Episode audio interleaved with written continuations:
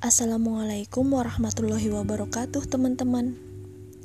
Perkenalkan, namaku Ana.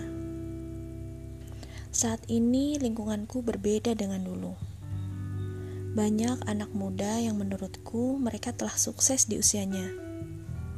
Mereka mampu membeli apa yang mereka mau.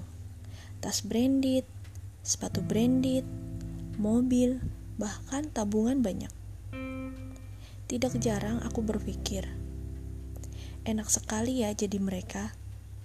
Bekerja hanya untuk diri sendiri, tidak perlu memikirkan biaya adik sekolah ataupun membiayai kebutuhan keluarga.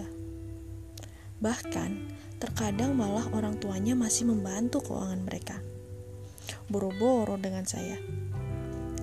Hingga saat itu juga di sore hari, Allah menunjukkan pada saya seorang kakek yang berjualan kursi dari bambu dan dibawanya dengan gerobak tanpa alas kaki sedang istirahat karena kelelahan.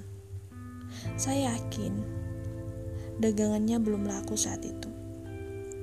Hatiku merintih sakit.